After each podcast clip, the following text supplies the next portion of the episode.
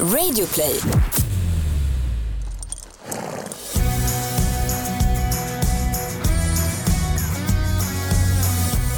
Så är det tisdag och här är ännu ett avsnitt av podcasten Ridklubben som är för dig som är hästnörd. Vi pratar bara hästar och vi, det är jag, jag heter Gry. Och Rebecka.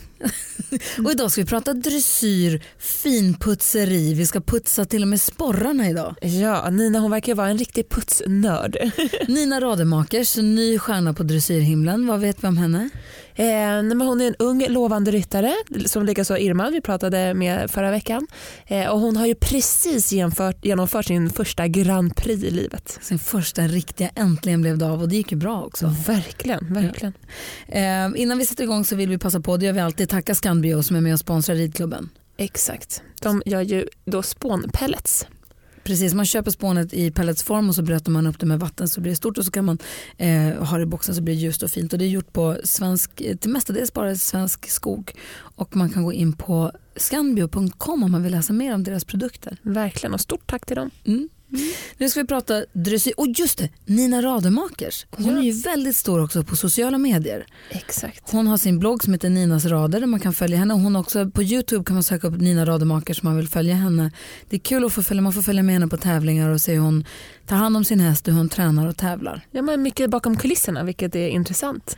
Så vi ska prata med henne dels om ridningen förstås och hur, hur hon tar hand om hästarna och, men också hur man gör för att lyckas på sociala medier. För det är många som youtubar och bloggar och instagrammar men det är inte alla som gör sån stor succé som Nina har gjort. Nej men precis, hur lyckades hon? Var det hennes mål från början eller bara hamnade hon där hon är idag? Superintressant.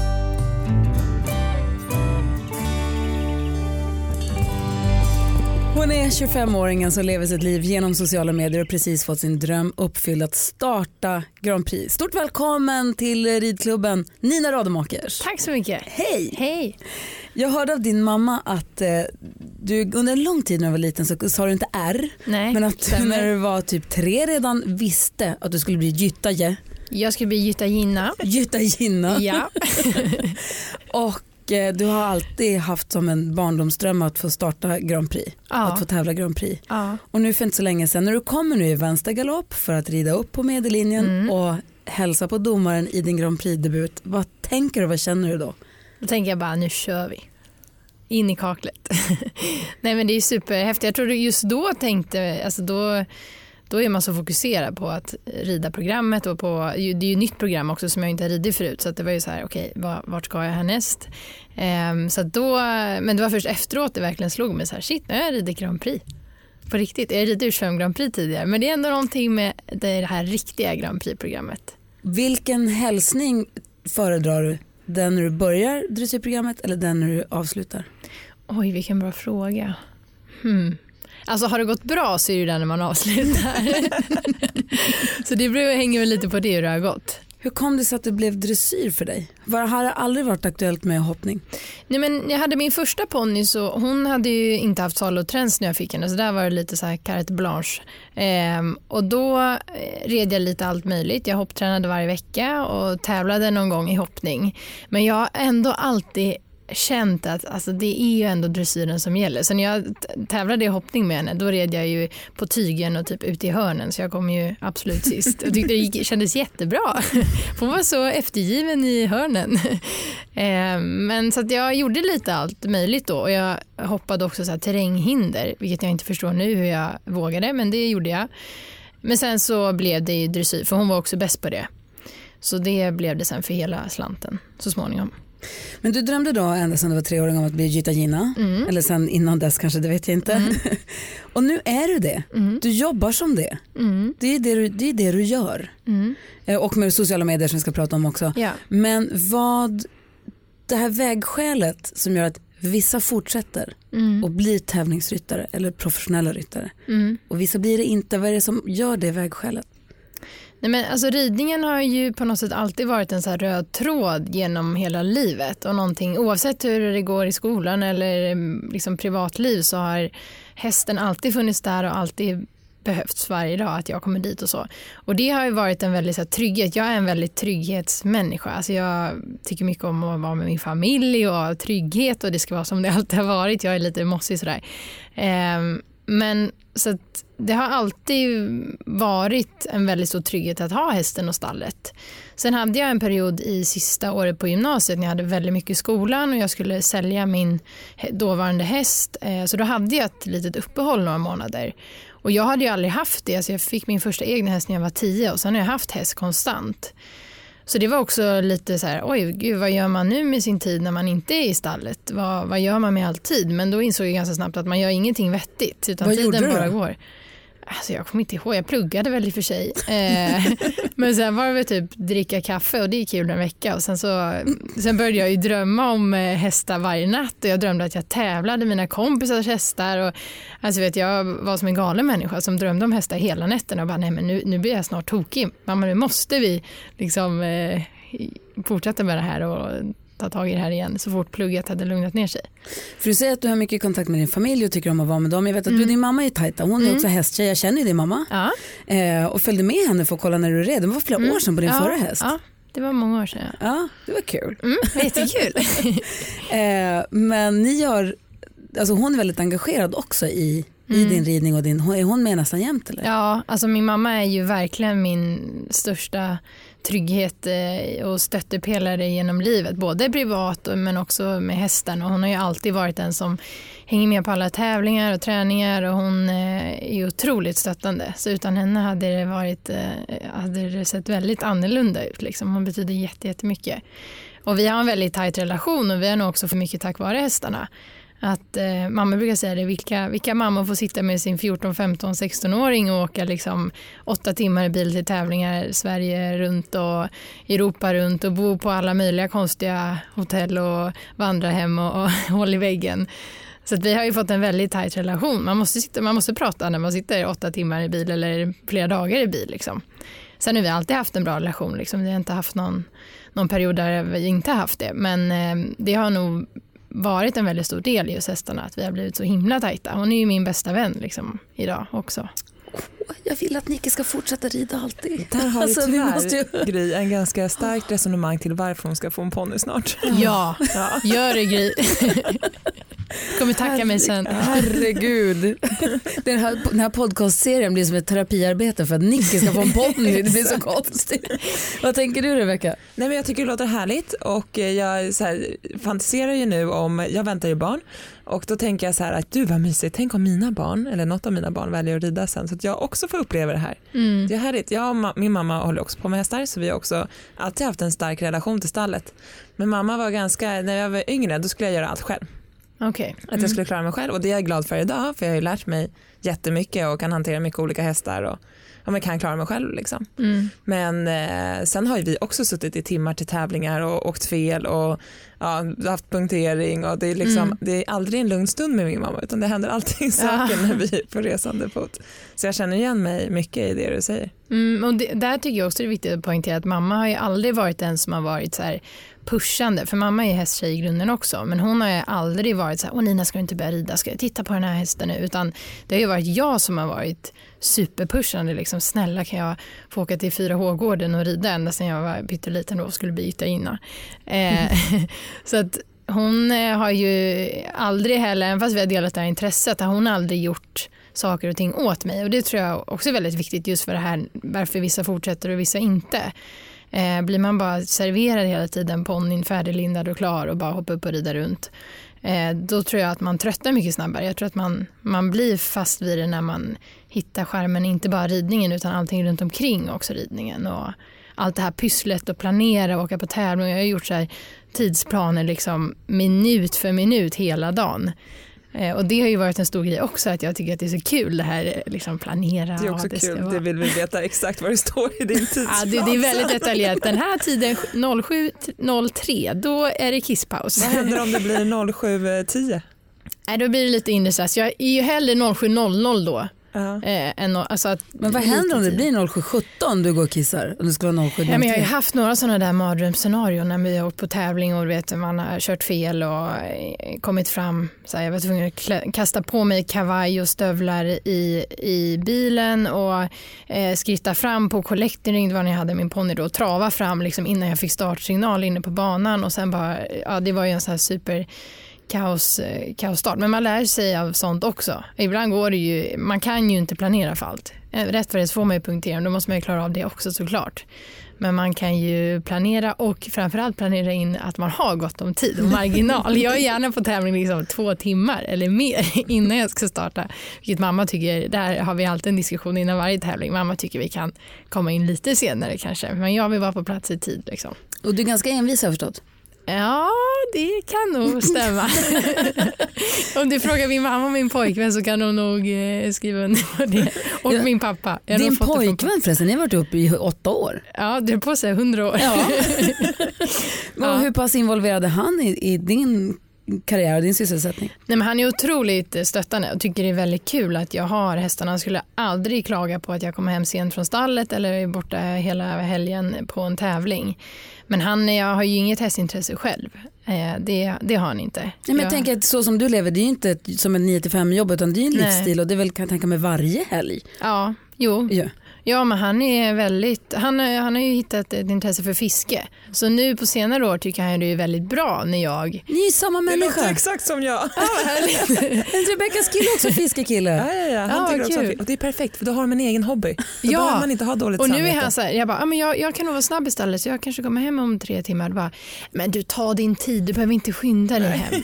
Var, var där några timmar till, så vet jag att han ska åka och fiska. Det är ju perfekt. Ja, det är ju så bra.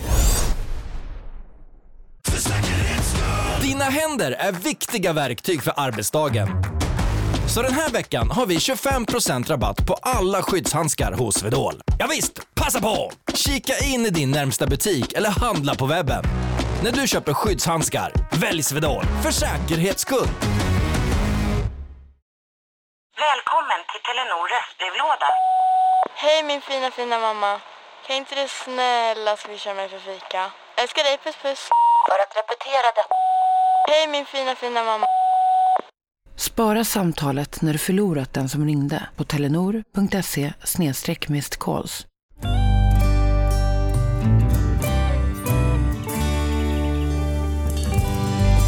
Jag hörde en, eh, ett klipp från en dokumentär på radion i, häromdagen om en 11-årig kille som håller på med karting. Han kör gokart och hade blivit draftad av något Formel 1-team och så där vid låg ålder. Och de frågade honom om han, när han drömmer framtidsdrömmar, eller han drömmer. Han sa att ibland när jag blundar då kan jag se framför mig hur jag sitter i en Formel 1-bil i den tredje sista kurvan i Abu Dhabi. Mm. Alltså det var en väldigt specifik mm. drömbild som han hade framför sig. Mm. Och jag tror han kommer nå den för ja. att den var så härligt specifik. Mm. Har du, har, vad har du för mål och drömmar nu? Alltså jag hade ju en väldigt stark sån eh, eh drömbild och det var ju vinna i Friends, vilket jag lyckades med nu i december. Och det har ju alltid varit just den här få vinna, det är ju någonting speciellt med det. Eh, och det var ju otroligt, det var ju också en sån här overklig upplevelse när man, när man först efteråt faktiskt inser, wow vad var det som hände egentligen. Så det var en jättestor drömbild som jag har haft. Liksom, är du lite besviken att du kom tvåa i din Grand Prix-debut? Absolut inte. så mycket hybris har jag inte än. Nej, gud, det var ju verkligen, jag hade inte räknat med det. Så det var jag väldigt glad för. Mig. Eh, men nu framöver här så, mm, nej men det är klart att jag vill ju, jag känner mig inte liksom klar nu när jag har vunnit en gång i Friends. Jag vill ju göra om det där. Så det är ju ständigt så här, jag har ingen sån där super kanske specifikt som tredje kurvan i Abu Dhabi men eh, ja, men hela tiden utvecklas och få rida de här stora tävlingarna på de stora arenorna. Du nämnde att du har listor och att du är väldigt noggrann. Du mm. känns som en väldigt noggrann människa som person. Mm. Och jag får bilden av i alla fall, om jag följer på sociala medier så får jag bilden av att du gör många saker själv. Du vill göra dem själv. Ja. Har jag rätt då? Ja men så är det. Du lindar eh, benen och ja, du skrubbar. Jag är lite så kontroll... diskar hovarna. Ja, jajamän. Berätta. Nej, men alltså, det är ju mitt bästa lifehack i stallet. Jag vet att ni har en sån punkt som är stall... Ja, jag höra ditt bästa ja, stalltips? Jag har tre. Ja. Diskborste för hovarna, skrubba bort smuts. Alltså, det gör jag varje dag efter varje ridpass. Det här låter ju, jag låter ju som en galen människa. Men det är någonting så tillfredsställande med rena hovar. Eh, och sen så har jag plasthandskar, tycker jag är väldigt bra om man är på tävling och ska smörja. Ofta är det ju alltså, nästan minusgradigt vatten i de här kranarna och så blir man skitig och så är det kallt, det kanske är typ februari mm. eller någonting. Man är inte sugen på att gå ut där och förfrysa händerna och ta av sig vantarna och hålla på. plasthandskar är väldigt bra då när man smörjer, kan man bara dra av dem. Smart. Ja, och sen det tredje är ju såna här Scotch Brite-svampar när man smörjer. För då kan man ha lite vassare sidan och få bort stöv. För det kan annars vara lite svårt. Då. Man kan tro att man får bort det men man får inte bort det helt. Så det är mina tre stallhacks. Superbra tips. Ja. Verkligen. Men jag har ju också läst att du putsar dina sporrar.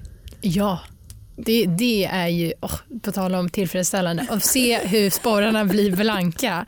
Ja, det är också så, ja, det är en favoritsyssla. Ja, jag tycker att det är härligt. Jag har mycket Ja. att lära mig av. Jag tycker det var fantastiskt bra tips. Ja, jättebra. Varför har man inte alltid plasthandskar? Det verkar ju superrimligt. Ja, Faktiskt, ja. för ofta är det också kanske att man inte har en handduk just där då. Eller som är torr, den Ja. kanske oftast är lite fuktig också. Så är man kladdig om händerna och så ja, ska man rida. Ja, ja, men jag hör ju att det här är världens största ilandsproblem och vad jobbigt att tvätta händerna. Men det är ändå, när man Ändå. står där och man är så kall redan och så, så ska man tvätta händerna i den här kalla kranen och så har man ingen handduk som säger det. Och så, ah, det är bara så smidigt med par Det gör det bara lite enklare Ja, helt enkelt. Precis. Ja. Eh, Men är du dålig på eh, att be om hjälp?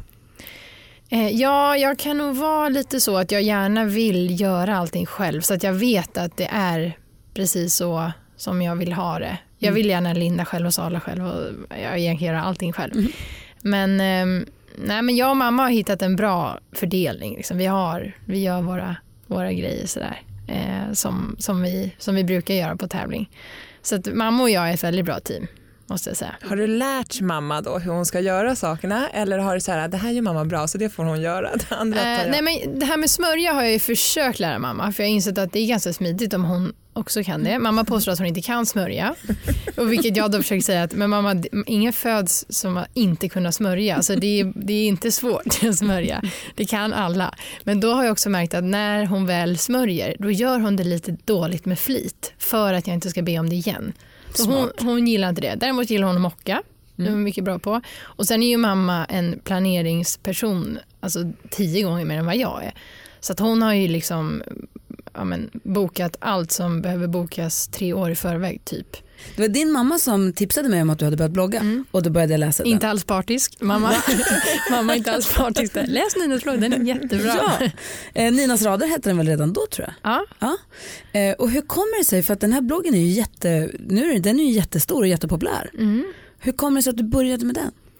Ja, men jag startade min blogg då 2012. Då hade jag precis tagit studenten Eh, och då hade vi då köpt en ny häst eh, som var lite utav en projekthäst och jag tyckte också det var kul att starta en blogg när det var ett nytt kapitel, liksom, att det var en ny häst, det var från första sidan på vår resa.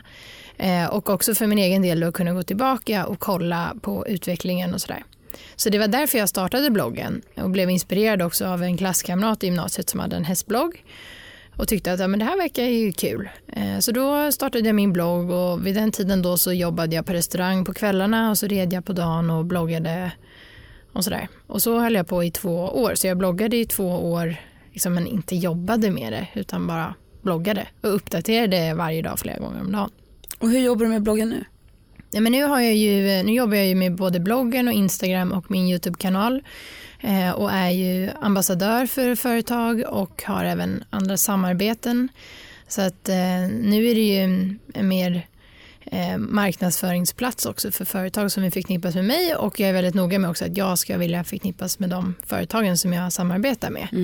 Eh, så min blogg är nu på Granngårdens hemsida Grannliv och Granngården har jag ett stort samarbete med och jag är även ambassadör för, några andra företag. Eh, så nu, nu är det ju mitt jobb då, så jag har startat ett företag då, ja, som, jag, som är kopplat till mina sociala medier. Det låter ju super. Mm. Och hur tänker du när du jobbar med, när du hur resonerar du när du jobbar med vloggen, bloggen och instagrammet? Alltså hur jag resonerar, hur Ja, jag hur ofta upp uppdaterar du? Ja, men precis vad får man följa med på? Finns det, det här får man inte följa med på eller hur? Eh, Ja, men allting är ju då häst, eh, hästfokus. Eh, Och bloggen uppdaterar jag ju dagligen, två till tre gånger.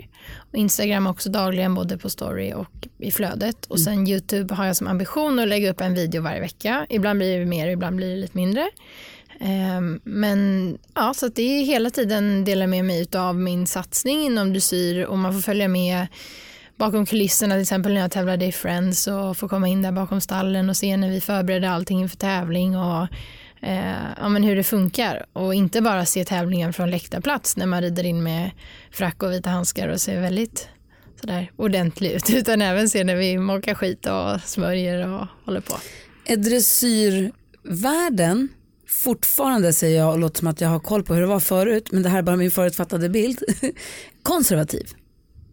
Nej men alltså jag tycker mer och mer så blir det mer modernt och ehm, För vad säger de dressyrrävarna när du kommer med din kamera och vloggar bakom kulisserna? Tycker de att det känns helt mm, okej eller tycker de att det är lite konstigt? Nej eller? men det är många som tycker att det är konstigt och det är många som inte förstår sig på det här med sociala medier överhuvudtaget och att det inte är ett, i ett riktigt jobb. Liksom. Så det är absolut folk som eh, har varit ifrågasättande kring det. Ehm, sen är det ju i dressyren så jag vet ju ingen annan som springer runt och kanske och filmar sådär som jag håller på på tävlingar. Ehm, men jag tycker också att det är, det är lite kul att köra sin egna grej och inte bara liksom följa strömmen. Men i början kändes det lite konstigt att springa runt och filma och jag kan fortfarande tycka att det känns jobbigt när det är jättemånga runt omkring och jag ska springa runt och prata med mig själv. men, eh, nej, men jag tycker att det är, det är kul. Jag tycker också det är roligt när folk kanske inte riktigt förstår sig på det och inte riktigt tror på det så kan man faktiskt visa att det, att det går.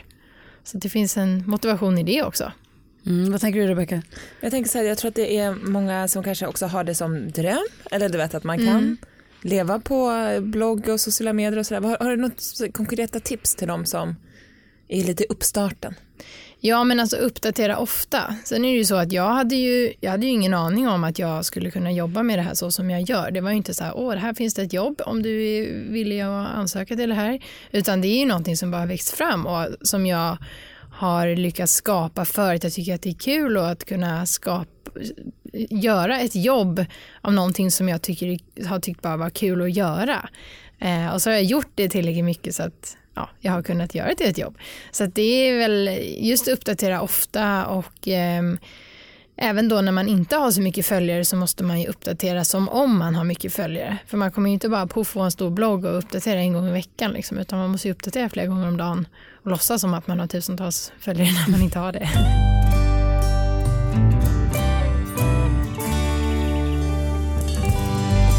Vi fick lite frågor från några av dina eh, följare. Och våra följare, vi har ett Instagramkonto. Ja, Ridklubben-podden heter vi på Instagram. Gå gärna in och följ det vet jag. jag följer redan. Oh, vad bra. Vi har en fråga här från Frida. Ja. Om du hade fått välja vilken häst som helst i hela världen, både levande och bortgångna, vilken hade du velat rida då? Alltså då måste jag ju säga Totilas. För jag tror också att, eh, eller förr så var ju inte hästarna kanske lika spektakulära som de är de senaste åren. Så jag måste ju säga Totilas då. Ja, varför? Ja, men han, alltså jag kommer ihåg där när man såg Edvard Gall tävla honom. Det var ju liksom, det kändes som att det var från en annan planet. Jag hade ju aldrig sett en häst genomföra ett program på det sättet. Så man, ja men det blev man ju verkligen så här golvad av deras samspel och, eh, och Totilas otroligt maffiga rörelser.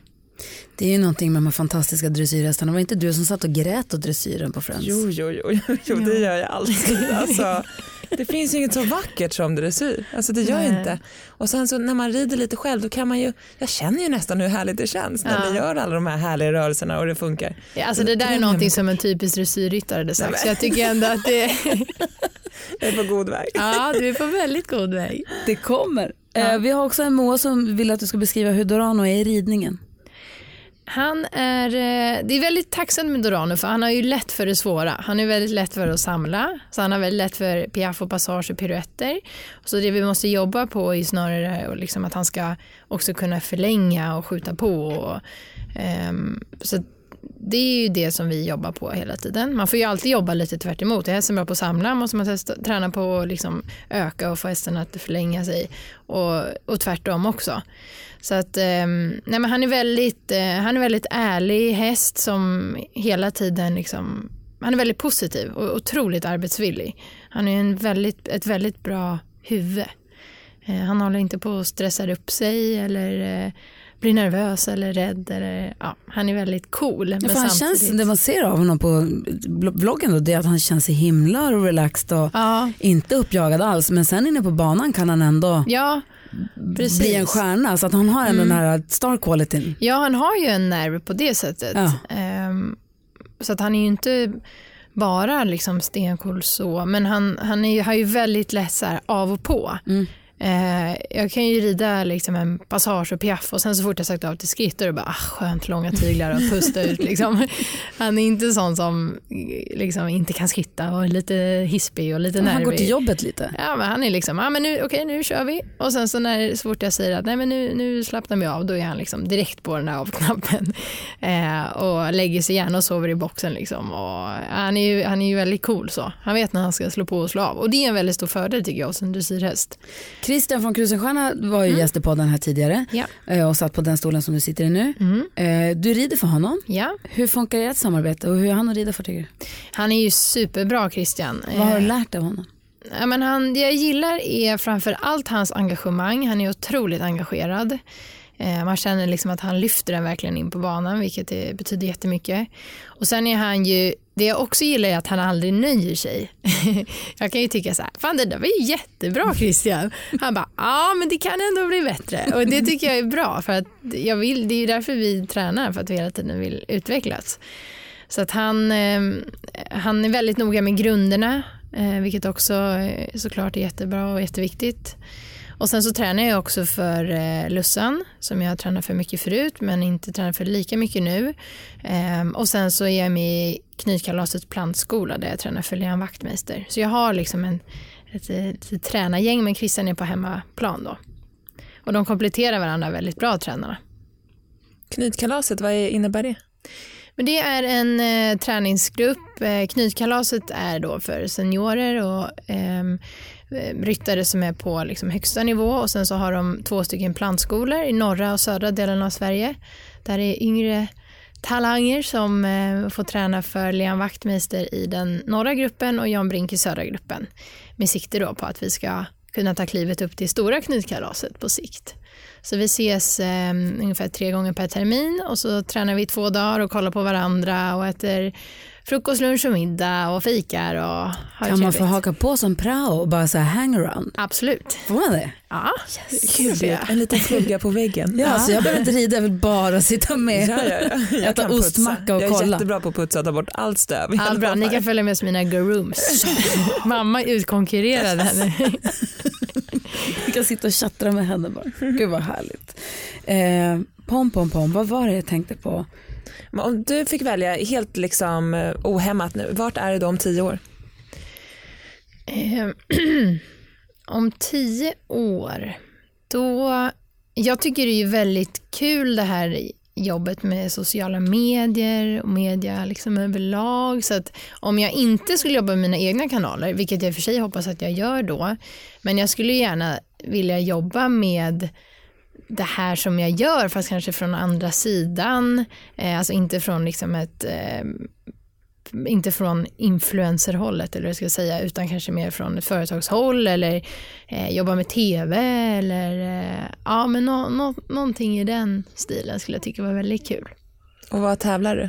Är du fälttävlansryttare om tio år? Absolut. Nej, Nej, det är jag garanterat inte. Men eh, förhoppningsvis har jag eh, en eller flera hästar som jag tävlar framgångsrikt och kan hålla mig på hög nivå och rida de här stora klasserna och arenorna och så. Har du en dröm om att tävla internationellt? Absolut, Ja. det har jag. Eh, Det hoppas jag. Mitt mål för i år, är ett drömmål sådär, är att kunna komma ut på någon trestjärnig tävling med Dorano då, som senior. Det hade varit jättekul. Härligt. Det är också min dröm. Det här att åka och få tävla Sunshine Tour i Spanien. Det är lite så hoppryttarnas Ja, precis. mecka eller Det är ut. liksom, ja, man får ju välja någon. Mm. Så det är också som mål. Tänk nästa 2020, då ska Ja. jag åka ner till Oliva. Även om jag bara hoppar lågt så ska jag åka dit och jag ska göra det. Ja, men det är så, det är väldigt häftigt att göra de där utlandsresorna och det blir ju verkligen ett äventyr och man är ju borta ofta så här två veckor och åker ner en, ett gäng liksom från Sverige och tävlar och stöttar varandra och peppar och ja, det är väldigt, det är väldigt häftigt att få åka utomlands och tävla. Så det hoppas jag får göra, får göra mer framöver också. Vad har du för förebilder i tävlings, som tävlingsryttare? Och jag har ju många förebilder. Ehm, såklart liksom alla de, de stora namnen. Men såklart, jag tycker också att det är väldigt eh, häftigt med ryttare som, som håller eh, den här grundkärleken till hästarna liksom i fokus hela vägen upp på så här världsnivå och man känner att de genuint håller på med, de här, med det här för att de älskar hästar. Ehm, och eh, jag tycker Karl Hester och Charlotte Dujardin, deras liksom relation och deras filosofi känns väldigt så här, det känns som att det är glädje som bygger på hela, hela det. Jag red nu en klinik för karlhästar här eh, för ett tag sedan, vilket var jätte, jättekul och häftigt. Eh, men det, jag, jag inspireras mycket av folk som, som gör det som de tycker är kul och man känner att också inte att det här tävlandet tar tar över så att det plötsligt inte blir roligt längre. Det känns som att en del som tävlar, det blir liksom på sånt liv och död att glädjen försvinner. Och det, där vill jag aldrig hamna. Jag vill liksom att det, man ska kunna vara glad och äta middag och ha kul på tävling även om det går dåligt. Och det har också mamma varit väldigt så här, noga med under alla år. Att vi gör det här för att det är kul. Ibland går det inte bra men då måste vi kunna ha trevligt ändå. Man har ju sett vissa som inte ens kan gå ut och äta middag på kvällen för de är så besvikna för att det har gått så dåligt. Mm. Och det, det tycker jag är synd. Jag tycker det, det måste vara tråkigt för, för dem själva liksom att, att vara så. Om du ska tipsa en ryttare som inte är elittävlingsryttare utan har ett jobb men har en häst som man tävlar dressyr, kanske lätt A medelsvår där någonstans och harvar på och rider men vi skulle vilja liksom få bli lite, lite bättre och få skruva åt lite grann. Finns det mm. något eh, tips du skulle kunna dela med dig av? Men titta på mycket bra ridning tycker jag är jätte, jättevärdefullt. Liksom, och eh, att se mycket hästar och mycket olika ryttare. Och sen också såklart att rida mycket olika hästar. Och eh, ja, men, vara mycket i de kretsarna där man där man faktiskt vill komma eller hamna. Att man kanske åker till en tävling och sitter och tittar hela dagen och ser vad krävs det för att vara med på den här tävlingen och att man, man eh, håller sig i de kretsarna. Då tror jag att man har lättare att hamna där. Får komma lite högre i placeringslistan. Ja, hur ska, precis. Man, hur ska man trycka sig upp lite högre upp? Eh, ja, men det är ju att, titta mycket på vad, vad gör de som vinner? Liksom? Hur, hur, hur rider de och hur, eh, hur ser deras liksom, program ut och så. Eh, så det är ju viktigt, men sen också såklart att ja, men, fila på sina egna detaljer, filma när man rider, se vad är det som händer. Ibland kan det ju kännas som att gud vad långsamt jag red eller gud vad snabbt jag red men det ser faktiskt inte alls ut så. Eh, så Christian har ju varit på med att jag rider lite snabbt i slutena och jag tycker att det ser liksom lite eh, bara energiskt ut men så kollar jag på filmen och bara nej det ser lite hastigt ut. så det är väldigt bra att filma också och kolla själv hur det ser ut. Mm. Det tycker jag faktiskt också är ett bra tips. Filma när man själv rider. Mm. För ofta så kan det också vara att man kanske har händerna på lite olika höjd och så det känns inte Nej. men det syns så tydligt. Mm. Och då får man lite mer, ja men då blir det så ah och lättare att korrigera ja, oftast. Men nu vet jag varför jag inte kan bli dressyrryttare. För att jag kan inte sitta ner.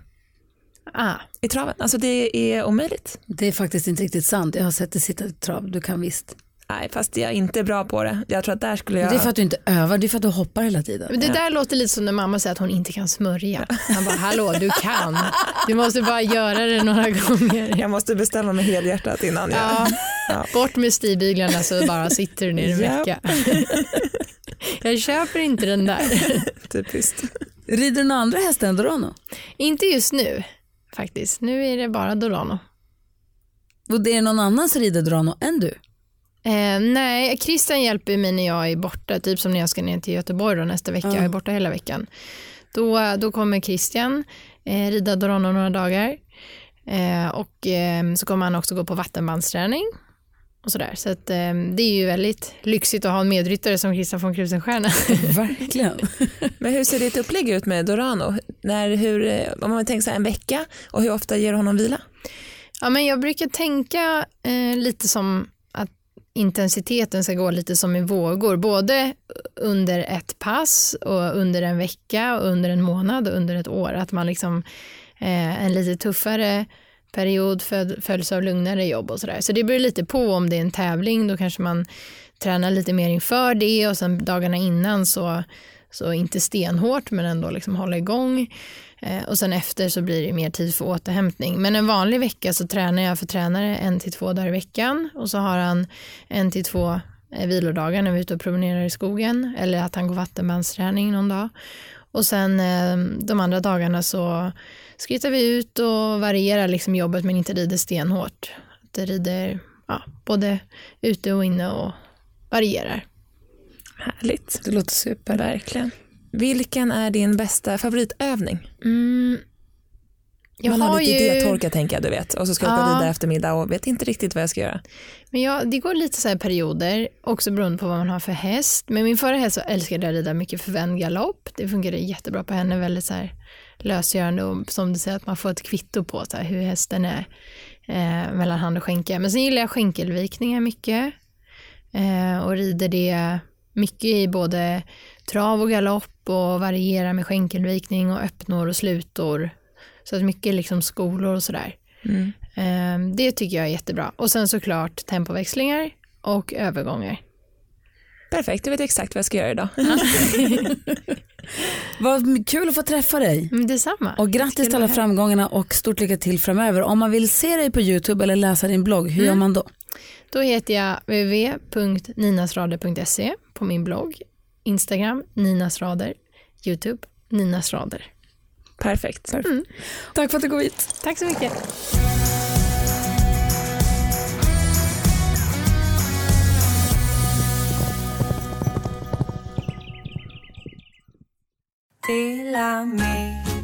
Hej!